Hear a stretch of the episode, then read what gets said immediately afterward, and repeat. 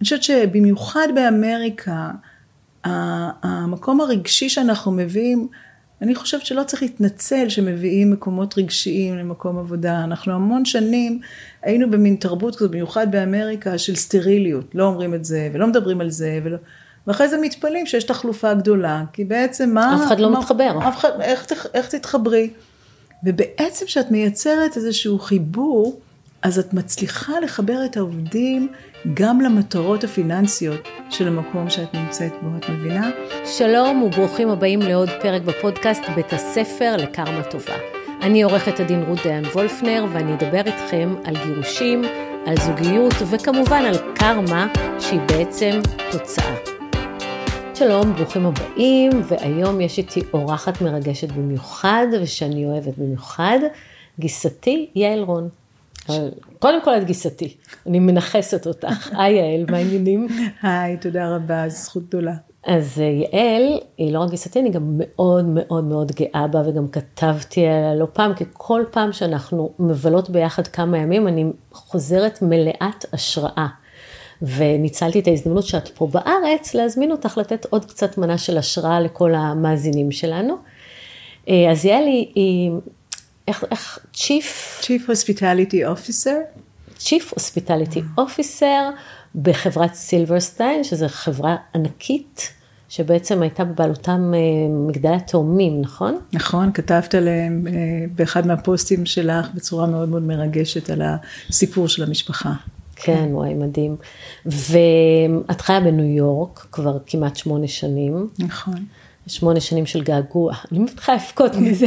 נכון, נכון, נכון. ולפני זה היית בעצם מנכ"לית של ריץ' קרלטון קליבלנד וסן פרנסיסקו, שגם ביקרנו אותך שם. נכון.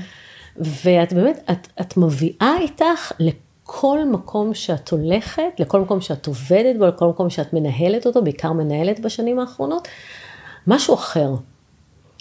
ודיברנו קצת לפני, ניסינו לחשוב מה זה בעצם, וזה, אפשר לקרוא לזה מערכות יחסים. נכון. ניהול תוך כדי מערכות יחסים. אז בואי נתחיל.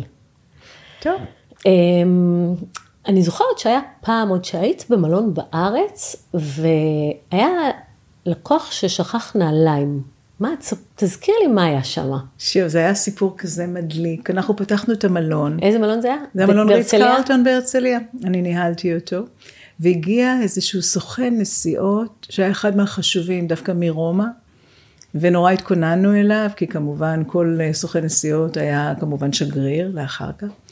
ואחרי יומיים שהוא שהה אצלנו, הוא מאוד הודה לי, אבל הוא אמר לי שהוא שכח את הנעליים שלו. היו לו נעליים של פרגמו, לא פחות ולא יותר. הוא שכח במלון? הוא שכח, הוא אמר שהוא השאיר אותם בחדר. אנחנו חיפשנו, חיפשנו, לא מצאנו לו נעליים ולא כלום, והיה לי מאוד לא נעים, כי הוא היה לקוח פוטנציאלי, וכאילו פישלנו. והמלון היה בתקופה של פתיחה, שבדרך כלל מה שאורחים לא יודעים, זה מה קורה מאחורי, ה, מאחורי הקלעים. וכמה שבועות אחר כך, באיזה ערב אחד, קיבלתי טלפון ממנהל תורן, וכולו צוחק. את לא מאמינה מה מצאתי. אמרתי, ודאי שאני מאמינה, מצאתי את הנעליים. הוא אומר, את לא מבינה, מצאתי את הנעליים, הכל בסדר. ואז בעצם חשבנו, מה אפשר לעשות עם הנעליים האלו? כי הוא כבר חזר לרומא. והחלטנו שאנחנו נייצר סיפור, ה storytelling של הנעליים האלה. ובעצם לקחנו את הנעליים לטיול בארץ, בכל מיני מקומות, כולל הכותל, כולל ים המלח, ובנינו מין מכתב כזה מהנעליים שלו לסוכן הזה. שבעצם אמר, אתה רצית לנסוע, אבל לי עוד היו כמה חוויות לחוות פה במדינה הזאת. יעל לקחה אותי לראות את הכותל, שמתי את הפתק שלנו, הייתי, ישבתי ליד הים, התאהבתי בארץ הזאת, במקומות האלה, אבל אני נורא מפחד שהנעליים של גוצ'י ינצחו אותי בארון, אז אני מיד חוזר אליך. גדול. וככה לקחנו, שמנו את זה בתוך קופסה של פרגמו, צחצחנו את זה ושלחנו את זה עם שליח. אני חושבת שזה אחד מהסיפורים שהסוכן נסיעות הזה שכבר ראה הכל והיה בכל ה luxury places בעולם, כי זה מה שהם עושים, כל פעם שהוא פוגש אותי, שנים שנים אחר כך, הוא מספר לי את הסיפור הזה בגאווה, והוא אומר לי, את לא מבינה כמה אנשים ששמעו את הסיפור הזה, פשוט אמרו זה משהו אחר. הערך המוסף היה כמובן גם לצוות שראה איך אפשר לקחת בעיה ולהפוך אותה להזדמנות מטורפת של בניית מערכת יחסים להמון שנים. ולימים זה הפך להיות סיפור אה, נורא מעניין ונורא מצחיק. כן, זה סיפור מטורף. זה פשוט רעיון מטורף. אבל, אבל ההתנהלות הזאת שלך, של לעשות כל דבר בדרך שלך, אני ראיתי את זה מדהים. וזה היה גם בקליבלנד, למרות שהיה לך נורא קשה בהתחלה עם המנטליות, את מגיעה עם מנטליות ישראלית והם עם מנטליות ארגונית אמריקאית קשה, איכשהו הם התאהבו בך לחלוטין. מה, מה עשית שם? מה היה שם? תראי, בסוף, בסוף זה להביא אותך בתור בן אדם. כאילו, אני חושבת שמה שאנחנו מאוד... הרבה פעמים נורא מפחדים, אנחנו עושים המון המון אה, דיבור פנימי כזה בינינו לבין עצמנו, שאומר, מה, כמה אני נותן, כמה אני נותן מעצמי, כמה אני מוכן להשקיע. כי בסוף כשאת נכנסת למקום שהוא בעצם כבר מסודר, יש לו תרבות משלו, יש לו תרבות, אה, את יודעת, לא רק עסקית, גם תרבות של מקום אחר, כן? שפה אחרת, מנהגים אחרים, הנה את באה. אז קודם כל יש איזושהי הבנה שאת הקטנה, לא הם, את באה, והיא חוויה מצניעה. מהמקום הזה, את באה ואת מביאה לב. ואני חושבת שכשאת עושה את זה עם כוונה מלאה, ומתוך אמונה שאת באמת רוצה להעניק, לבוא ולהגיד, אתם יודעים מה, אנחנו פה רבע שעה או שלוש שנים או מה שלא יהיה, בואו נביא את כל מה שאנחנו יכולים להביא לתוך החדר הזה. שזה ביטחון ואהבה והרגשה של, שאפשר, שאפשר לעשות דברים ביחד. ובעצם לעבור ממקום שמתייחס, מהמקום הזה שמתייחס לעובדים כ, כרק הוצאות ולהגיד זה הנכס הכי גדול, וברגע שאתה מצליח לתת לעובד תחושה שהוא נכס, שהוא שווה, שהוא לראות יכול אותו בעצם. לראות אותו, שהקול שלו, אתה שומע אותו, זה חוצה גבולות. אני אתן לך דוגמה מקליבלנד, בסדר? כי זה באמת אחד מהמקומות האלה שאת אומרת, וואלה, אפשר היה לפתור את זה אחרת. הייתה לנו, היו, היו לנו בקליבלנד אה, כמה נשים שעבדו 28 או 29 שנים כבר במלון כשכבר הגעתי. ואחת שתיים היו חולות, אחת היה לה סרטן מתקדם, סרטן ריאות, והשנייה הייתה חולה במחלה אחרת. ובמהלך שנה אחת הם שתיהן נפטרו, אה, באמת בהבדל של שלושה חודשים או חודשיים אחת מהשנייה. ובעצם הצוות כולו, שמנה אולי 40 איש בעולם הזה של משק בית, שזה אנשים שהם הכי, הכי קשי יום, חדרניות, חדרניות, כן. מנקות, כל מיני כאלה. בעולם הזה פתאום הם היו, לא פתאום, זה היה ברור מאליו, אבל העצב שנפל עליהם היה עצב נוראי. ואז הלכתי למנהלת כוח אדם שלנו, סמנכ"ל כוח אדם, ואמרתי, אוקיי, מה עושים באמריקה כשיש כזה דבר? והיא אמרה לי, תראי, לנו במריות יש מצגת, אנחנו נביא את אחד מהאנשים ממריות עם המצגת, הוא יעבור על השלבים, שלושת השלבים של הכאב והכעס הזה. האבל. האבל, הוא יעבור על זה במצגת, ואז זה מה שאנחנו עושים. הלכתי הביתה, אמרתי לא בבית ספרי, הדבר הזה לא מצגת ולא כלום, גם הם כולם היו אפרו-אמריקאים, כמובן שהאיש ממריות היה לבן, כל ה... כל ה כל הפתרון הזה נשמע לי כל כך לא... יצאת לידי חובה. כן, יצאת לעשות וי, להגיד עשינו את המצגת. ואז הלכתי למנהלת משק הבית, שהייתה אישה גדולה, גם גדולת ממדים, הייתה מין מאמה כזאת. רואל קראו לה. ובאתי אליה ואמרתי לה, תגידי לי, אתם שאתם מתאבלים, הדבר שאתם יודעים לעשות הכי שמקרב אתכם, זה בכנסייה שלכם, נכון? היא אמרה לי, כן, אנחנו בכנסייה, שם אנחנו שרים, דרך השירה, דרך האנרגיה, אנחנו אוחזים ידיים. אמרתי לה, ויש לכם כומר או, או פסטר או מישהו שהוא מהקהילה שלכם, שאת אה, רוצה אולי היית להביא אותה לפה לאירוע של, אירוע פרידה של כל הצוות שיהיה לו. נפקחו לה העיניים, והיא אמרה לי, כן, יש לי גברת כזאת. שבוע אחר כך ארגנו ארוחת צהריים לכל המשק בית הזה, עם האוכלים שהם הכי אוהבים, עשינו את זה במלון.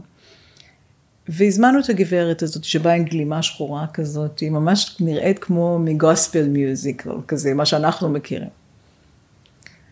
והאנשים האלו שרו ורקדו ובכו וצחקו, ובאיזשהו שלב נכנסתי רק כדי לראות שהם בסדר. והחיבוק והחיבור שאני הרגשתי, שהייתי הלבנה היחידה בחדר הזה, גם לגברת הזאת וגם ללב החם של האנשים האלו, שמה שהם רצו זה רק רגע אחד שמישהו יסתכל להם בעיניים ויגיד זה כואב גם לי, זה כואב לכם, בואו נכאב ביחד. ואת יודעת, זה מסוג הדברים שהם דברים קטנים שאתה עושה, הם לא דברים שרשומים לך ברזומה שלך, הם לא דברים שאתה אומר וואלה, אתה לא משתמש בהם לשום דבר. אבל הם הדברים שאנשים זוכרים הכי הרבה, כי בסוף בסוף בסוף בן אדם זוכר איך נתת לו להרגיש. ואני חושבת שהחוויה, היכולת והזכות הזאת היא לכל אחד מאיתנו, לא משנה באיזה תחום אנחנו עוסקים, של להיכנס לחדר ולתת לבן אדם להרגיש שהקול שלו שווה, ולא משנה מה הקול שלו ובאיזה שפה. להיכנס לבן אדם לחדר ולהגיד ש, ש, שאני רוצה להשקיע בך, שאתה טוב, שאתה, שאתה יכול. כל, ה, ה, כל השפה הזאת היא שפה שמייצרת מערכת יחסים שהיא, ש, של אמון, ומחר בבוקר שהבן אדם הזה, אם הוא עובד שלך, יבוא לעבודה ואתה תגיד לו, מה דעתך? אתה רוצה לעשות כזה דבר? תשע out of ten יגיד לך, בטח שאני רוצה. אתה בעצם מייצר איזשהו ביטחון חדש בתוך מערכת יחסים שאולי בעבר היא הייתה... נאמנות גם. נאמנות. אה, אה, אה, ואצל אמריקאים, תראי, אנחנו ישראלים, אנחנו נורא חמים, אז אין לנו גבולות, ככה או ככה, לטוב וללא טוב. אצל האמריקאים יש גבולות ברורים. האהבה שאני מצאתי בקליבלנד, שהיא עיר ספר כזאת באמצע שום מקום, מהאנשים, והפרויקטים שאני יכולתי לעשות במלון הזה, הביאו את המלון הזה להיות אחד מהמוצלחים ברשת ריץ קרלטון, שאף אחד לא ספר אותו קודם, כי הוא היה תקוע שם במקום שהוא לא נחשב כלום. הם היו כל כך מגויסים, שכל ה, כל ה, אה, המחקרים שעשינו, וכל כל הציונים שהם קיבלו בתור עובדים, שפעם בשנה יש מחקר מאוד גדול, שאלון, סקר, סקר עובדים כזה, הפכנו להיות מספר אחד באמריקה. קליבלנד? אנחנו, כן, וואו. קליבלנד הפכה להיות, וזה רק זה. אבל את לקחת איתך את העניין הזה גם הלאה, זה, זה את, זה לא, לא השארת את זה בקליבלנד. ואז אני זוכרת את הסיפור שהגעת לסן פרנסיסקו. והם גם היו שם בתרבות של אה, תחלופה מאוד גדולה נכון, של עובדים, נכון. ואז פשוט עשית להם טקס לכל איש יש שם. נכון. תספרי לנו על זה. תראי, זה היה מאוד מרגש, כי שמתי לב שהרבה מהצוות שם בסן פרנסיסקו היה מלון הרבה יותר גדול, הוא היה המלון השלישי הכי חשוב בעולם, פעם ראשונה שאישה ממנכ"לת אותו, זכות ענקית שלא לדבר על זה שישראלית אף פעם לא הגיעה למקום הזה, זה היה בשבילי כמו ללכת על ענן, ואת ראית אותי כי באת לבקר אותי. שם. אבל מה שמאוד הפריע לי זה שנגיד במשק הבית, בגלל שהרבה מהם היו אסיאתים, סינים, אז היו להם כל מיני שמות כאלה שהם שמו, שמות שיהיה קל לאורחים לקרוא להם בשם. הוא, הוא, מי, דו, כאילו כל כן. מיני כאלה שלא קשורים בכלל לשם האמיתי שלהם. ואת אומרת לעצמך, יאללה, הרי האנשים האלו יש להם הורים, הם באים ממסורות, הרבה פעמים השמות נולדו באמת עם איזשהו... עם איזשהו חלום של הורה, או מישהו שחס וחלילה עבד, או איזושהי תקווה גדולה, או געגוע גדול, משהו נורא רגשי. ואיך יכול להיות שהאנשים האלו הולכים עם אטיקטים על עצמם, ש... ש... ש... איך זה יכול להיות שהם יכולים להרגיש מוערכים ולתת שירות שהוא מצופה ממישהו שהוא מוערך, כשהשם שלהם הוא שם של כל דבר או כל אחד, שהם באים בבוקר ושמים, לוקחים איזה שם ושמים עליהם. זה נראה לי הזיה ברמה אז קודם כל הייתה לי, היו לי שלושה חודשים שנלחמתי, כי אמרתי אני לא רוצה פלסטיקים, אני לא רוצה, אני רוצה שיהיו שמות חרוטים. למה? כי זה, כי זה כמו שם שכתוב בדם. זה כאילו ה... נותן לך, אתה ישר עומד יותר זקוף. שם שלך בזהב, יפה, הוא חרוט, הוא לא נעשה עבור מישהו אחר. ואז כדי להעצים את הרגע, הרגשתי שאם אני אעשה את זה ככה ואני רק אתן לכל אחד את הדבר שלו. רגע, אז ארגנת מכונה שמדפיסה תגים כאלה שלא הייתה קודם. לא הייתה קודם, ועלתה 6,000 דולר, וכולם צעקו עליי, ולמה צריך כל כך הרבה? ואמרתי, לא צריך שום דבר חוץ מזה. לא רק למה צריך, לא צריך שום דבר חוץ מזה. וקראתי לכל המנהלים והסברתי להם למה אני חושבת שזה חשוב. עשינו טקס, ובטקס הזה זה היה משול או כמו משהו שאנחנו מכירים כמו טקס דרגות פה בצבא. כן. שעומד כל אחד מהמפקדים או המנהלים לצורך העניין, ובאמת באיזשהו אירוע מאוד מאוד מרגש נותן לכל אחד מהעובדים שלהם במתנה ארוז נורא נורא יפה, את השם שלו המוזהב, החרוט. אי אפשר לתאר את התחושה שהייתה בחדר מתחושת עילוי וגאווה. ובריץ קרלטון בזמנו היה לנו משפט שאמר, What have you done today to make yourself proud? ואני תמיד חשבתי לעצמי, וגם היום אני חושבת, שתפקיד שלנו, של כל מנהל, זה באמת ליצור את הרגע הזה שכל אדם הולך בערב בסוף היום הביתה, ויש לו אפילו סיפור קטן שמילא אותו, או שהוא עשה למען אחר. שבעצם הדלי הזה, הדלי הרגשי הזה, אצלו הוא כזה שהוא רוצה לשתף בו, שהוא, שהוא בעצם אומר, זאת הבחירה שלי, אני בוחר להיות במקום כזה, כי זה מקום שמספיק היה חשוב למנכ"ל שלי, שיש לו מיליון ואחד דברים, לעצור את היום ולקרוא לי בשם שלי ולשמוע מאיפה הסיפור שלי, כי שמענו סיפורים. אז כל אחד סיפר על השם כל שלו. כל אחד סיפר, והיה אחד שסיפר, הוא בא מאנשים. 540 עובדים, פתאום את רואה, את רואה שאנשים מתחילים להתחבר אחד לשני, ואחד אומר, כן, גם ההורים שלי היו, ואחד זה היה על שם סבא, ואחד... כל השיתוף בחדר היה שיתוף שהיה ההפך מתחלופה כל כך גבוהה. בעצם הוא דיבר על זה שזה הבית שלנו. וזה מה שהיה חסר בסן פרנסיסקו, הייתה חסרה תחושת בית. היה שם ו... תחושת ניכור כזה, כל אחד לעצמו. ניכור, והייתה תחושה של מי שבא הולך, הייתה מין, הייתה מין תחושת. תחלופה, כמו סחר חליפין כזה, כמו קומודיטי כזה, זה היה, לא הרגיש. סיפור שני שהוא מדליק, אני לא יודעת אם שמעת אותו אי פעם, אבל הוא סיפור שאני מתגאה בו, למרות שהוא סיפור קטנטן. כשהגעתי לסן פרנסיסקו, עשיתי, התחלתי במסורת שכל שבועיים לפגוש עובדים סביב שולחן. בהתחלה זה לא היה להם, לא הבינו, חשבו שהולכים לצעוק עליהם או לריב איתם, כי אף פעם מנכ"ל לא ישב איתם. אחרי זה לאט לאט הם הבינו שזה בעצם כדי לשמוע מה עוד אנחנו יכולים לעשות, מה אנחנו לא עושים מספיק טוב. ולתוך הפגישות האלו הייתי לוקחת איתי את מנהלת כוח אדם ואת מנהל התחזוקה, שהם היו, שאם היה צריך לעשות משהו היינו עושים. ובאחד מהמפגשים ישבתי, ומי שהגיע למפגש היה הדורמן המיתולוגי של הבניין. עכשיו, הוא עבד כבר אז 26 שנים. וזה, את יודעת, זה האנשים האלו שעומדים עם המגבעות, עם בכניסה. 26 שנים דורמן. 26 שנים דורמן, לדעתי מרוויח יותר מכל המנכ"לים שהיו שם ביחד, כי זה עבודה מאוד, וגאה, ומאוד אוהב את הרשת. וזה.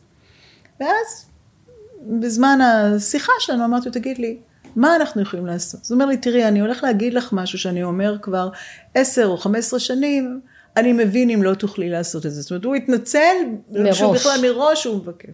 הוא אמר לי, תראי, אנחנו, הדורמנים, אנחנו תמיד מגיעים באיחור למשמרת שלנו אחרי שאנחנו אוכלים אה, את צהריים. ולמה?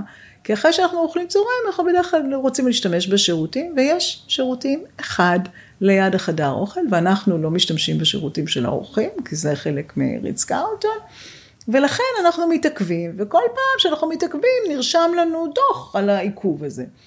וזה נורא מעצבן, כי אין שום דרך שאנחנו יכולים להיות בסדר, כי זה ככה. ונגמרה הישיבה, והחלטתי שאני רוצה לעשות מעשה. התחלתי ללכת, לקחתי איתי איש התחזוקה, אמרתי לו בוא נעשה סיור שם ליד המסעדה, נראה מה יהיה. הלכנו, אין כלום, אין מקום, אין כלום. ואז הוא קורא לי למחרת בשמונה בבוקר, יש תחזוקה, הוא אומר, יעל, אני רוצה להראות לך משהו. מיד אני יורדת ליד הזה, הוא פותח איזשהו ארון קטנצ'י כזה, אני אומרת לו, מה אתה מראה לי? מה אני רואה פה? חדרון תא כזה של מטאטים וכל מיני כאלה. הוא אומר לי, את רואה, התא הזה הוא תא לאפסון וכל מיני דברים כאלו, אבל הוא מחובר לצינור מים למעלה. אמרתי לו, אוקיי. הוא אומר לי, ואני יכול לעשות מזה משתנה לגברים, נהדרת. אמרתי לו, אוקיי, אז אה, אה, כמה זמן זה ייקח לך? הוא אומר לי, שבועיים. כמה כסף זה יעלה? 4,000 דולר. אמרתי לו, יש לך 2,000 דולר ושבוע. בתום השישה ימים, הוא מתקשר אליי, אותו איש תחזוקה שהיה אה, בחור סקוטי, שהיה קשה בכלל להבין מה הוא מדבר בגלל המבטא הסקוטי. הוא אומר לי, אני רוצה להראות לך משהו.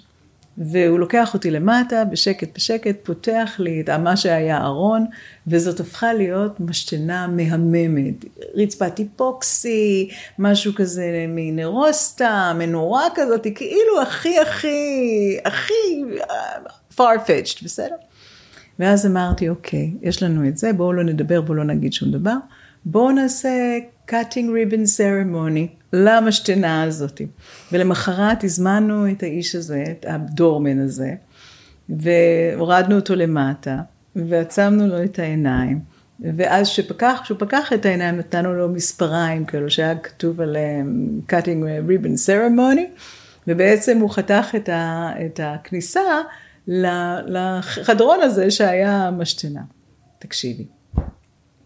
אני לא יכולה להסביר לך במילים איך זה לעמוד מול אדם ש-27 כמעט שנים, הוא חי במקום, ו-15 שנים מתלונן על משהו, ובפחות משבוע מטפלים בדיוק במה שהוא מבקש ועושים את זה בצורה כזאת.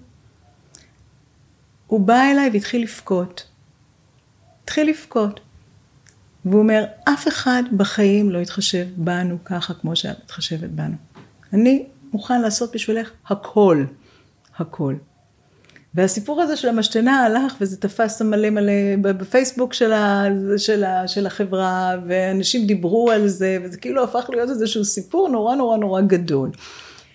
עכשיו את אומרת מה זה הסיפור הזה כאילו זה לא אלפיים דולר בשבוע. כן מה זה כאילו אין שום דבר אבל הערך הערך של להקשיב למה שכואב באמת. וגם לנסות לפתור את הבעיה. לפתור, לפתור, אפשר, אפשר. Uh, את יודעת, אני יכולה לספר לך על ההצלחות הגדולות העסקיות של המלון הזה, על זה שהוא מכר כמעט 100 מיליון דולר, על זה שבלילות שלו היינו רצים על 80 אחוז תפוסה, על, על, על הפרסים עכשיו בשנה האחרונה הוא קיבל מלון הכי טוב בעולם, שזה תוצאה של כל העבודה הקשה שעשו. אבל זה ממש לא מה שמעניין אותי, כי מה שמעניין אותי זה מה שנשאר שם. ומה שמעניין אותי זה שלפני אה, אה, אה, שבועיים שהם חגגו, אה, אה, קיבלתי מהעובדים שם, קיבלתי טקסטים, תדעי לך שזה בזכותך, אנחנו חוגגים היום חגיגה שהיא חגיגה שעשינו בזכותך. ובעיניי זה הניצחון הגדול. זה מדהים, זה ממש מדהים. ופה בניו יורק, שאנחנו עכשיו אה, נמצאים בפרק הזה, כשאני הגעתי למשפחת סילבסטן, אני התאהבתי בהם, התאהבתי במשפחה הזאת. משפחה מדהימה. משפחה עם, עם, אה, עם, עם צניעות וכוח ועם אהבת אדם, שמאמינים באמת ובתמים שטוב מביא טוב, ובאנרגיה. והם, people are their purpose, ככה הם אומרים. עכשיו תחשבי, נדל"ן, איך זה קשור? כאילו, מה זה נדל"ן? כסף, יצא, נדל"ן בניו יורק, בואי. נדל"ן בניו יורק, כאילו, הכי רחוק מלב. ויש שם הרבה מאוד נדל"ן. והמון נדל"ן, וגם יש המון נדל"ן, וגם למשפחה הספציפית הזאת, יש הרבה שורשים, הרבה נדל"ן. היכולת שלהם לבוא ולהגיד, החזון שלנו, אנחנו רוצים לייצר קהילות שיהיו שמחות. ולבוא אליי ולהגיד לי, אנחנו רוצים שאת תעשי את זה. טוב, זו בחירה מדהימה בעיניי. אבל אני בעצמי לא ידעתי, לא ידעתי, אמרתי, איך אני זה?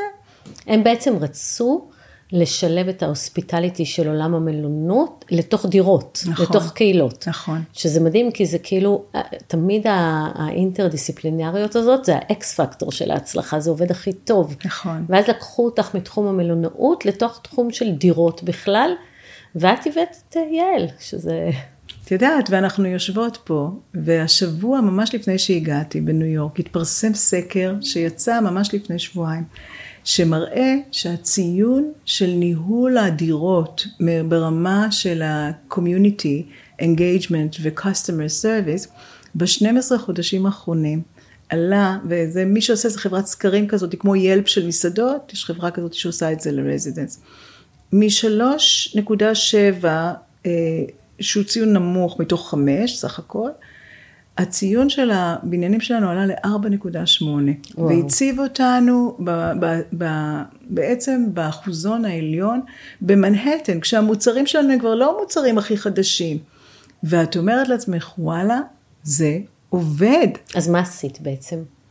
אז קודם כל, אה, אה, עשינו מהפכה מאוד גדולה בבניינים.